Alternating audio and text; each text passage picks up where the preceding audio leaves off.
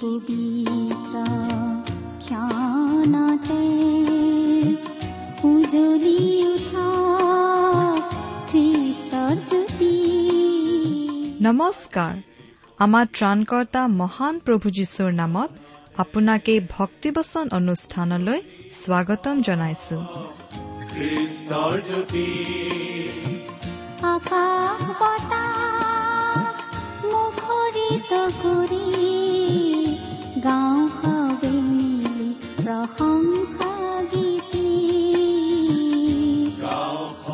এয়া মুকলি কৰিছো ঈশ্বৰৰ জীৱিত বাক্যৰ ধাৰাবাহিক অনুষ্ঠান ভক্তি বচন। আপোনাৰ জীৱনত যদি শান্তি পাব বিচাৰে তেন্তে এয়া ঈশ্বৰৰ বাক্যৰ সান্তনা বাক্য ভক্তি বচন। গতিকে আহক আজিৰ শিক্ষা শুনো।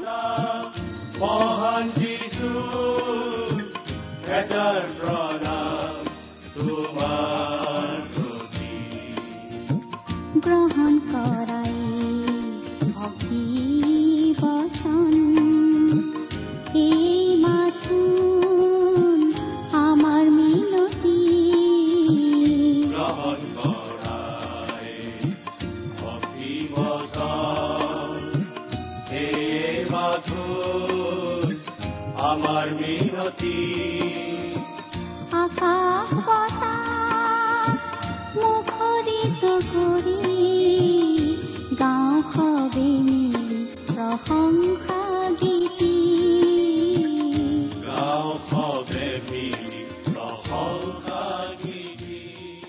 আমাৰ মহান ত্ৰাণকৰ্তা প্ৰভু যীশুখ্ৰীষ্টৰ নামত নমস্কাৰ প্ৰিয় শ্ৰোতা।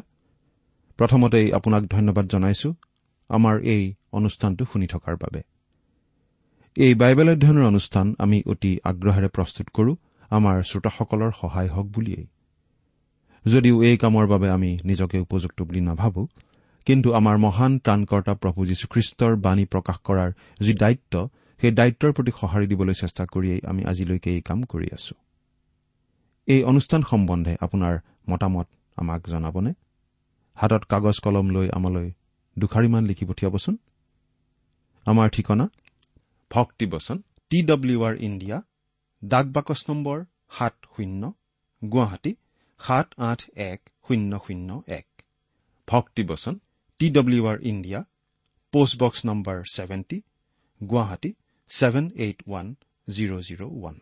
আমাৰ website W W W dot radio' eight eight two dot com প্ৰিয় শ্ৰোতা আপুনি বাৰু আমাৰ এই ভক্তিবচন অনুষ্ঠানটো নিয়মিতভাৱে শুনি থাকেনে?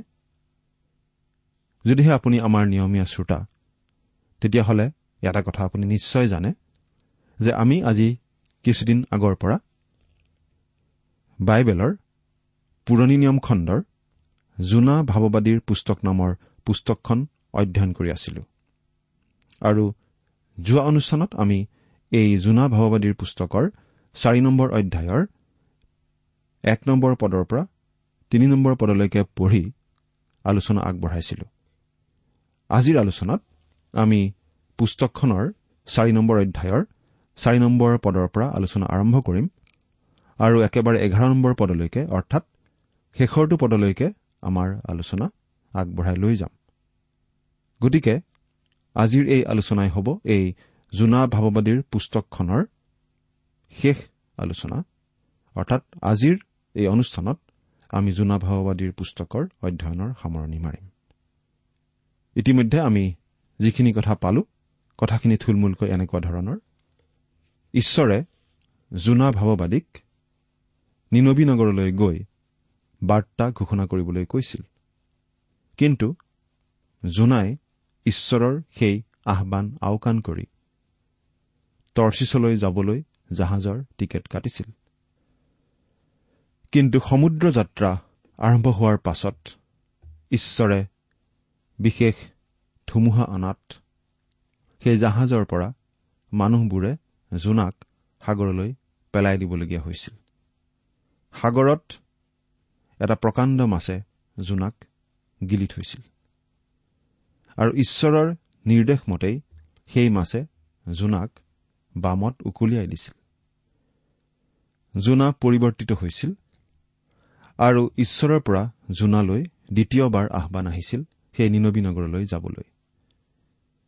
পৰিৱৰ্তিত হোৱা জোনাই ঈশ্বৰৰ সেই আহ্বানৰ প্ৰতি সঁহাৰি দি নিনবী নগৰলৈ গৈ ঈশ্বৰৰ বাৰ্তা তেওঁলোকক জনাইছিল।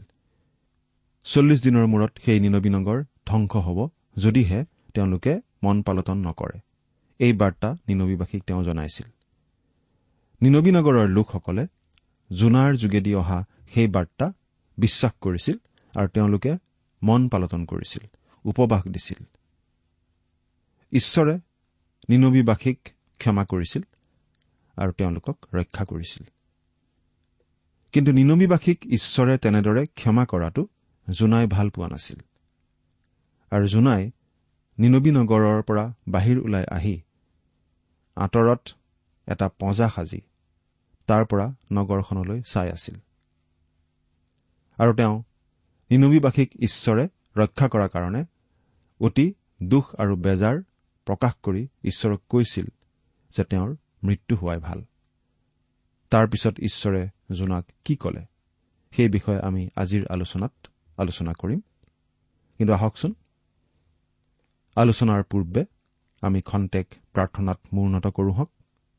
আমি প্ৰাৰ্থনা কৰো পবিত্ৰ পবিত্ৰ পবিত্ৰ ঈশ্বৰ হোৱা আপোনাৰ পবিত্ৰ নামত ধন্যবাদ জ্ঞাপন কৰি আপোনাৰ পবিত্ৰ বাক্যৰ আজিৰ এই অধ্যয়নত আপোনাৰ আশীৰ্বাদ প্ৰাৰ্থনা কৰিছো প্ৰভু।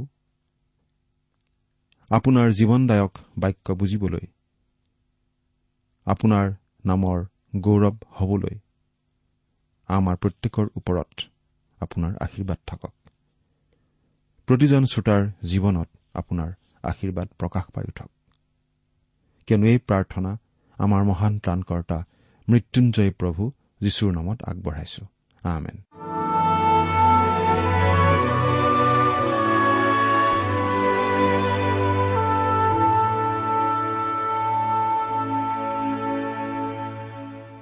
প্ৰিয় শ্ৰোতা আমি ইয়াৰ আগৰটো অধ্যয়নত জোনাৰ মনৰ বেজাৰ ক্ৰোধ আৰু জোনাই জনোৱা প্ৰাৰ্থনা আদি আলোচনা কৰিলো।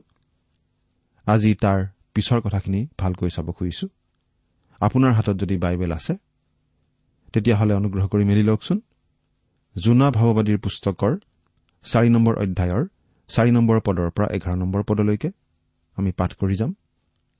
যদিহে বাইবেল নাই অনুগ্ৰহ কৰি মন দি শুনিব।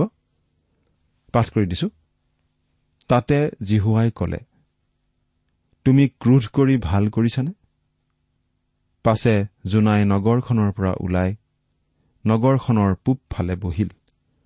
আৰু তাত পজা সাজি নগৰখন কি দশা হ'ব তাক দেখিবৰ মনেৰে তাৰ তলত ছাঁত বহিল। আৰু ঈশ্বৰ জীহুৱাই এজোপা এৰাগছ নিৰূপণ কৰিলে। আৰু জোনাক তেওঁৰ দুখৰ পৰা উদ্ধাৰ কৰিবলৈ তেওঁৰ মূৰৰ ওপৰত ছাঁ পৰিবৰ নিমিত্তে তেওঁৰ ওপৰলৈ তাক বঢ়ালে। তাতে জোনাই সেই এৰাগছৰ কাৰণে অতিশয় আনন্দিত হ'ল। কিন্তু ঈশ্বৰে পাছদিনা অৰুণোদয়ৰ সময়ত এটা পোক নিৰূপণ কৰিলে। আৰু সি এৰাগছডাল কোটাত সেয়ে শুকাল। পাছে সূৰ্য ওলোৱা সময়ত ঈশ্বৰে পূবৰ গৰম বতাহ আনিলে আৰু জোনাৰ মূৰত এনে ৰ'দ লাগিল যে তেওঁ ক্লান্ত হৈ নিজৰ মৃত্যু প্ৰাৰ্থনা কৰি কলে মই জীয়াই থকাতকৈ মৰাই ভাল। তেতিয়া ঈশ্বৰে জোনাক কলে তুমি এৰাগছজোপাৰ কাৰণে ক্ৰোধ কৰি ভাল কৰিছানে? তাতে তেওঁ কলে মই মৰি যোৱাকৈ ক্ৰোধ কৰি ভাল কৰিছো।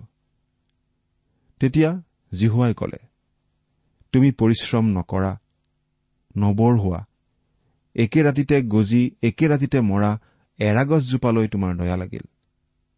তেনেহলে সোঁহাত আৰু বাওঁহাতৰ মাজত প্ৰভেদ কৰিব নোৱাৰা এশ বিছ হাজাৰতকৈ অধিক মানুহ আৰু অনেক পশু থকা সেই মহানগৰ নিনবিলৈ মোৰ দয়া নালাগিবনে? প্ৰিয় শ্ৰোতা লক্ষ্য কৰক ঈশ্বৰ কিমান দয়ালু কিমান অনুগ্ৰহশীল। তেওঁ এই জোনা নামৰ ভাৱবাদীজনৰ সৈতেও কিমান দয়াৰে কিমান অনুগ্ৰহেৰে ব্যৱহাৰ কৰি আছে মন কৰকচোন। চাৰি নম্বৰ পদটো আকৌ পঢ়িছো তাতে জিহুৱাই কলে তুমি ক্ৰোধ কৰি ভাল কৰিছানে? এজন বাইবেল পণ্ডিতে এই পদটোৰ ভাঙনি এনেদৰে কৰিছে সৎকৰ্ম কৰাটো তুমি বেয়া পোৱা নেকি? সেইটোৱে আচলতে ঈশ্বৰে বুজাইছে। ঈশ্বৰে কৈছে জোনা মই নিনবীক ৰক্ষা কৰিলো কাৰণ ৰক্ষা কৰা মোৰ কৰ্তব্য আৰু পাপীবোৰকো মই ৰক্ষা কৰো যদিহে মন পালন কৰে। মই তোমাক ঈশ্বৰৰ সুধ বিচাৰৰ বাৰ্তাৰে সিহঁতক মোলৈ ঘূৰাই আনিবলৈ বিচাৰিছিলো। সিহঁত মোলৈ ঘূৰে নে নুঘূৰে তাকে চাবলৈ। যদিহে সিহঁত মোলৈ ঘূৰে মই সিহঁতক ৰক্ষা কৰিম। আৰু সিহঁতে মন পালটন কৰি মোলৈ ঘূৰিল আৰু মই সিহঁতক ৰক্ষা কৰিলো। এই কথাত তুমি বেয়া পাইছা কিয়? প্ৰিয় শ্ৰোতা এজন পাপী মানুহ ঈশ্বৰলৈ ঘূৰাৰ বাবে যদি স্বৰ্গত আনন্দ হয় তেনেহলে গোটেই নিনবীৰ মানুহবোৰ যেতিয়া ঈশ্বৰলৈ ঘূৰিছিল তেতিয়া নিশ্চয় কিমান অধিক আনন্দ হৈছিল? ঈশ্বৰে জোনাক সুধিছে এই কথাটোৱেই তোমাক ইমান বেজাৰ দিছেনে যে মই নিনবীবাসীক ৰক্ষা কৰিলো? কিন্তু জোনাৰ যেন আৰু বেছি খং উঠিল আৰু তেওঁ মুখ উফুন্দাই বহি আছিল। তেওঁ কি কৰিছে? পাঁচ নম্বৰ পদত আমি পাওঁ। পাছে জোনাই নগৰখনৰ পৰা ওলাই নগৰখনৰ পূবফালে বহিল আৰু তাত নিজৰ নিমিত্তে এটা পজা সাজি নগৰখনৰ কি দশা হ'ব? তাক চাবৰ মনেৰে তাৰ তলত ছাট বহিল। পাছে জোনাই নগৰখনৰ পৰা ওলাই নগৰৰ পূবফালে বহিল। সেই নগৰৰ পূবফাল ওখ পাহাৰেৰে ভৰা। জোনাই নিজলৈ এখন ভাল ঠাই বিচাৰি তাত তেওঁ বহিল যাতে তেওঁ নিনবী নগৰখন চাই থাকিব পাৰে। কিয় বাৰু? কাৰণ আচলতে তেওঁ নিনবীবাসীক বিশ্বাস কৰা নাছিল। জোনাই হয়তো মনে মনে ভাবিছিল যে যদিও নিনবীবাসীয়ে অলপ সময়ৰ বাবে মন পালটন কৰিছে কিন্তু আকৌ পাপৰ ৰাস্তা দিয়েই ঘূৰি যাব। আৰু যদিহে তেওঁলোকে তেনেকুৱা কৰে তেন্তে জোনাই জানিছিল যে তেতিয়া ঈশ্বৰে নিনবীবাসীক ধ্বংস কৰিবলৈ বাধ্য হ'ব। কাৰণ ঈশ্বৰে কেতিয়াও তেওঁৰ নীতি সলনি নকৰে। জোনাই তাত সেই নিনবীবাসীৰ ওপৰত ঈশ্বৰৰ সুধবিচাৰৰ জুই আৰু গন্ধক পৰাটো বিচাৰিছিল। চাওকচোন প্ৰিয় শ্ৰোতা যি নিনবীবাসীৰ ওচৰলৈ তেওঁ ঈশ্বৰৰ বাৰ্তালৈ আহিছিল আৰু সেই বাৰ্তা শুনি নিনবীবাসী ঈশ্বৰলৈ আহিছিল ক্ষমা পাইছিল ৰক্ষা পাইছিল। সেই নিনবীবাসীকেই ধ্বংস হোৱাটো এই জোনা ভাৱবাদীয়ে এতিয়া বিচাৰি আছে। আচৰিত যেন নালাগেনে? আমি এনেকুৱা ধৰণৰ মানুহজনৰ সৈতেই ইয়াত আগবাঢ়ি গৈ আছো। আৰু সেই জোনা নামৰ সেই মানুহজনেই নিনবীলৈ ঈশ্বৰৰ বাৰ্তা লৈ আহিছিল আৰু সেই বাৰ্তা সফলো হৈছিল। আচৰিত যেন নালাগেনে? আৰু তাত নিজৰ নিমিত্তে এটা পজা সাজি নগৰখনৰ কি দশা হ'ব তাক দেখিবৰ মনেৰে তাৰ তলত ছাট বহিল। নিনবীবাসী লোকসকলে মন সলনি কৰা অৱস্থাত বেছিদিন থাকিব নোৱাৰিব বুলি জোনাই ভাবিছিল। আৰু তেওঁবিলাকৰ ওপৰলৈ তেওঁ ঈশ্বৰৰ সুধবিচাৰৰ জুই গন্ধক পৰালৈ বাট চাই আছিল। ঈশ্বৰে এতিয়া জোনাৰ লগত ব্যক্তিগত ব্যৱহাৰ কৰিব। জোনাৰ ক্ষেত্ৰত ল'ব লগা বিশেষ ব্যৱস্থা ঈশ্বৰে ল'ব। এতিয়া আপোনালৈ এটা বিশেষ প্ৰশ্ন। আপোনাৰ সেইসকল লোকৰ প্ৰতি প্ৰেম আছেনে? যিসকল লোকলৈ আপুনি ঈশ্বৰৰ বাক্য বিলাই দিব খোজে? বা প্ৰশ্নটো আমি এনেদৰেও কৰিব পাৰোঁ। যে কোনো এজন মানুহ মিছনেৰী হিচাপে কোনো এটা জাতিৰ মাজলৈ যোৱাৰ আগতে সেই জাতিৰ মানুহবোৰৰ প্ৰতি তেওঁৰ মনত প্ৰেম থকা উচিত নে? হয়তো এই ক্ষেত্ৰত আমাৰ বাবে জোনাই এটা ভাল উদাহৰণ হ'ব পাৰে। আৰু এই ক্ষেত্ৰত আমি নিশ্চিত যে জোনাই সেই নিনবীবাসীক কিন্তু ভাল পোৱা নাছিল। তথাপি বাৰ্তাটো লৈ গৈছিল আৰু ঘোষণা কৰিছিল আৰু নিনবীবাসীয়ে সেই বাৰ্তা গ্ৰহণো কৰিছিল। ছয় নম্বৰ পদত আমি এনেদৰে পাইছিলো আৰু ঈশ্বৰ জীহুৱাই এজোপা এৰাগছ নিৰূপণ কৰিলে আৰু জোনাক তেওঁৰ দুখৰ পৰা উদ্ধাৰ কৰিবলৈ তেওঁৰ মূৰৰ ওপৰত ছাঁ পৰিবৰ নিমিত্তে তেওঁৰ ওপৰলৈ তাক বঢ়ালে। তাতে জোনাই সেই এৰাগছৰ কাৰণে অতিশয় আনন্দিত হ'ল। আৰু ঈশ্বৰ জীহুৱাই এজোপা এৰাগছ নিৰূপণ কৰিলে। মুঠতে ঈশ্বৰেই সকলোবিলাক নিয়ন্ত্ৰণ কৰি আছে। এই এৰাগছডালো ঈশ্বৰ জীহুৱাই সাগৰৰ সেই মাছটোৰ দৰেই নিৰূপণ কৰিছিল। যদি আপুনি মাছক বিশ্বাস নকৰে তেতিয়াহ'লে এৰাগছকো বিশ্বাস নকৰিব। আৰু জোনাক তেওঁৰ দুখৰ পৰা উদ্ধাৰ কৰিবলৈ তেওঁৰ মূৰৰ ওপৰত ছাঁ পৰিবৰ নিমিত্তে তেওঁৰ ওপৰলৈ তাক বঢ়ালে। তাতে জোনাই সেই এৰাগছৰ কাৰণে অতিশয় আনন্দিত হ'ল। প্ৰিয় শ্ৰোতা চাওকচোন। আচলতে জোনা আনন্দিত হ'ব লাগিছিল সেই নিনবীবাসী ঈশ্বৰলৈ ঘূৰাৰ বাবে। কিন্তু তেওঁ কিহত আনন্দ পাই আছে চাওকচোন। জোনাৰ কোনো বন্ধু বান্ধৱ তাত নাছিল। তেওঁ নিনবীবাসীক ভাল নাপাইছিল। আৰু সেই নগৰত এজন ব্যক্তিও নাছিল যিজন তেওঁৰ ওচৰলৈ আহি তেওঁৰ আলপৈচান ধৰিব। আচলতে সেই সময়ত জোনা ঈশ্বৰৰ সৈতে সহভাগিতাত নাছিল। সেয়েহে ঈশ্বৰে তেওঁক এজোপা সৰু এৰাগছৰ সৈতে ব্যস্ত থাকিবলৈ সেই উপায় কৰি দিছিল। সাধাৰণ এৰাগছ এজোপাৰ সৈতে জোনা তেতিয়া সংলগ্ন হৈ পৰিছিল। আমাৰ এনেকুৱা ভাৱ হয় যে হয়তো সদায় টাইগ্ৰীছ নদীৰ পৰা দুপৰ বেলা এটা বাল্টিৰে পানী আনি তেওঁ সেই এৰাগছডালত ঢালি কৈছিল হে এৰাগছ আজিৰ বাবে মই তোমাৰ খোৱা পানী আনিলো। সেই শুকান ঠাইত তেনেদৰে গছডালৰ আলপৈচান তেওঁ ধৰিছিল আৰু তাতেই ব্যস্ত হৈ আছিল। গছডালেই তেওঁৰ জীৱনৰ সৰ্বস্ব যেন হৈ পৰিছিল। সকলোতকৈ প্ৰয়োজনীয় বস্তু যেন হৈ পৰিছিল। আপুনি বাৰু অনুভৱ কৰিব পাৰিছেনে? আমি কি বুজাব খুজিছো? কেতিয়াবা অতি সাধাৰণ কিছুমান কথাই আমাৰ বাবে অতি প্ৰয়োজনীয় হৈ পৰে আৰু সেইবোৰকে আমি জীৱনৰ ডাঙৰ বস্তু বুলি ভাবিব ধৰো কিন্তু আচলতে সেইবোৰ অৰ্থহীন। মানুহে পোহনীয়া কুকুৰ পোৱালি বা মেকুৰী পোৱালি এটিৰ সৈতেও তেনেকৈ সংলগ্ন হয়। এতিয়া চাওকচোন ঈশ্বৰে কেনেকৈ জোনাৰ জীৱনত হস্তক্ষেপ কৰিব?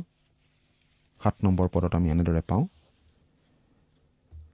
কিন্তু ঈশ্বৰে পাছদিনা অৰুণোদয়ৰ সময়ত এটা পোক নিৰূপণ কৰিলে আৰু সি এৰাগছডাল কোটাত সেয়ে শুকাল। মুঠতে ঈশ্বৰে সকলোকে নিয়ন্ত্ৰণ কৰি আছে। তেওঁ এটা পোক নিৰূপণ কৰিলে। এই পোকটো আচৰিতজনক।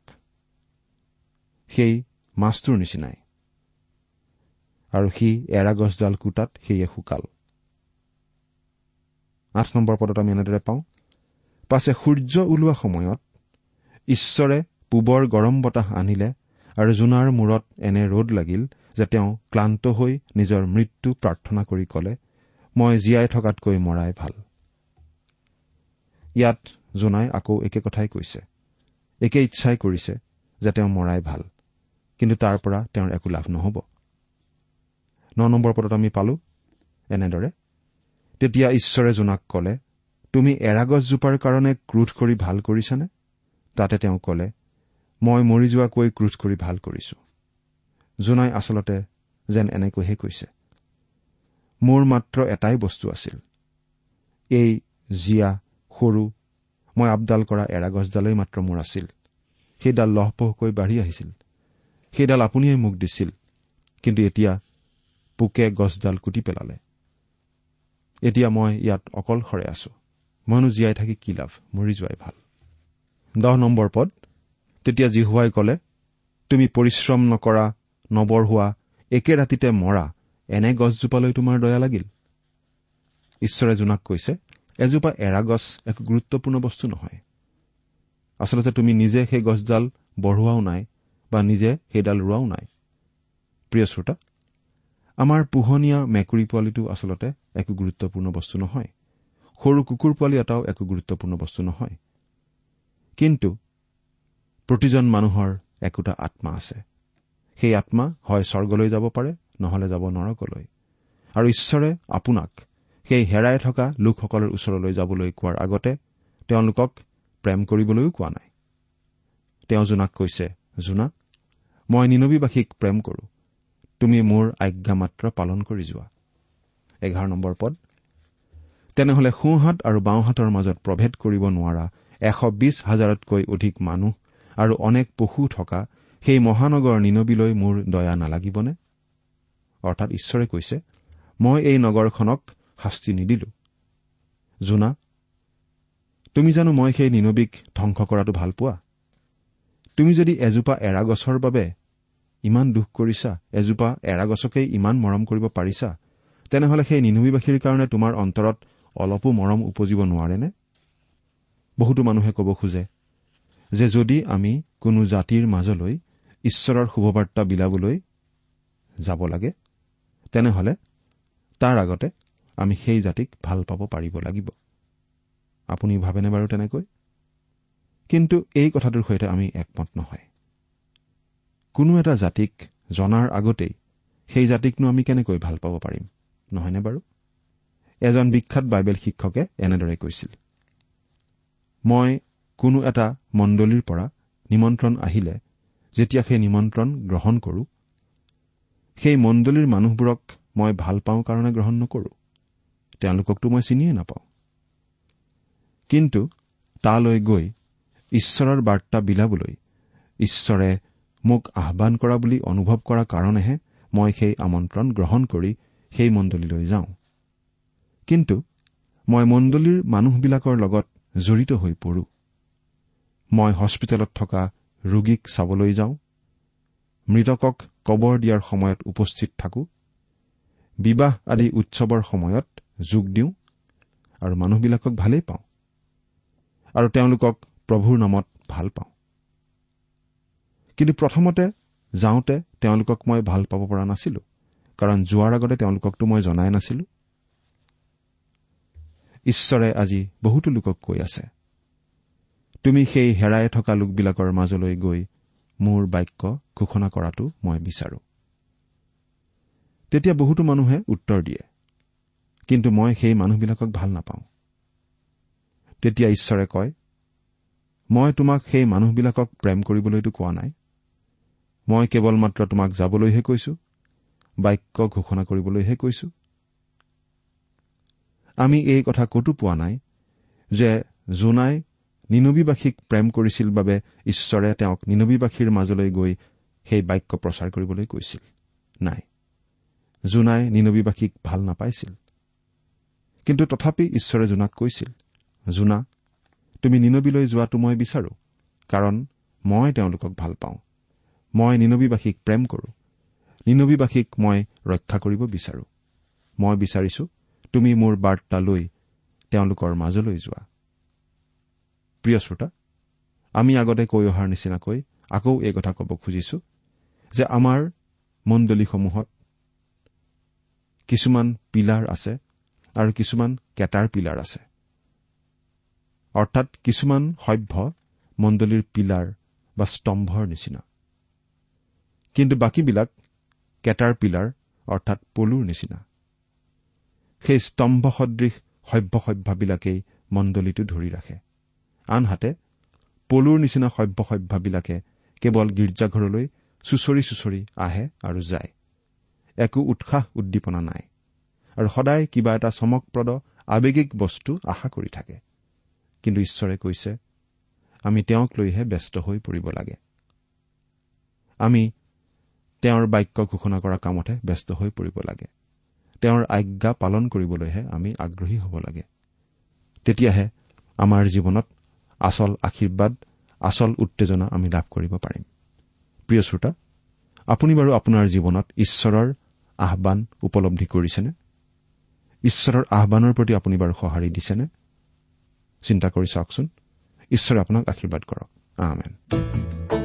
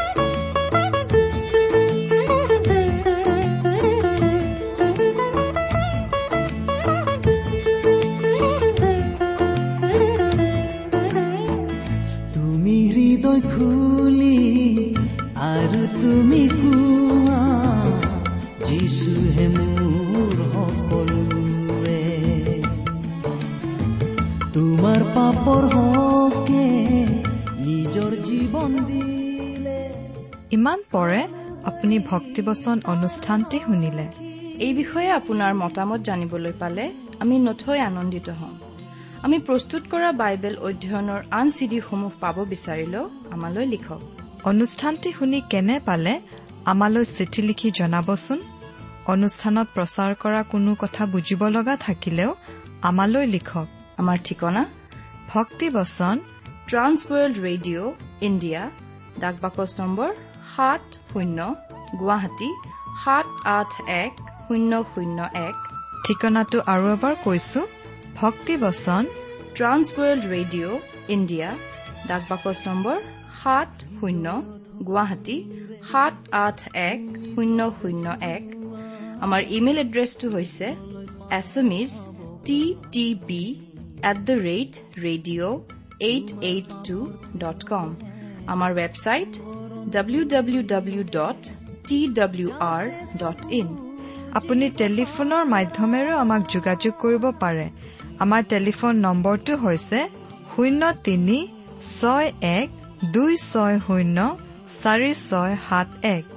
ফোন নম্বৰটো আকৌ এবাৰ কৈছো zero' three six one two six zero' four six seven one আজিৰ অনুষ্ঠানটি ইমানতে সামৰিছো। ঈশ্বৰৰ শান্তি আৰু অনুগ্ৰহ আপোনাৰ লগত থাকক। ধন্যবাদ।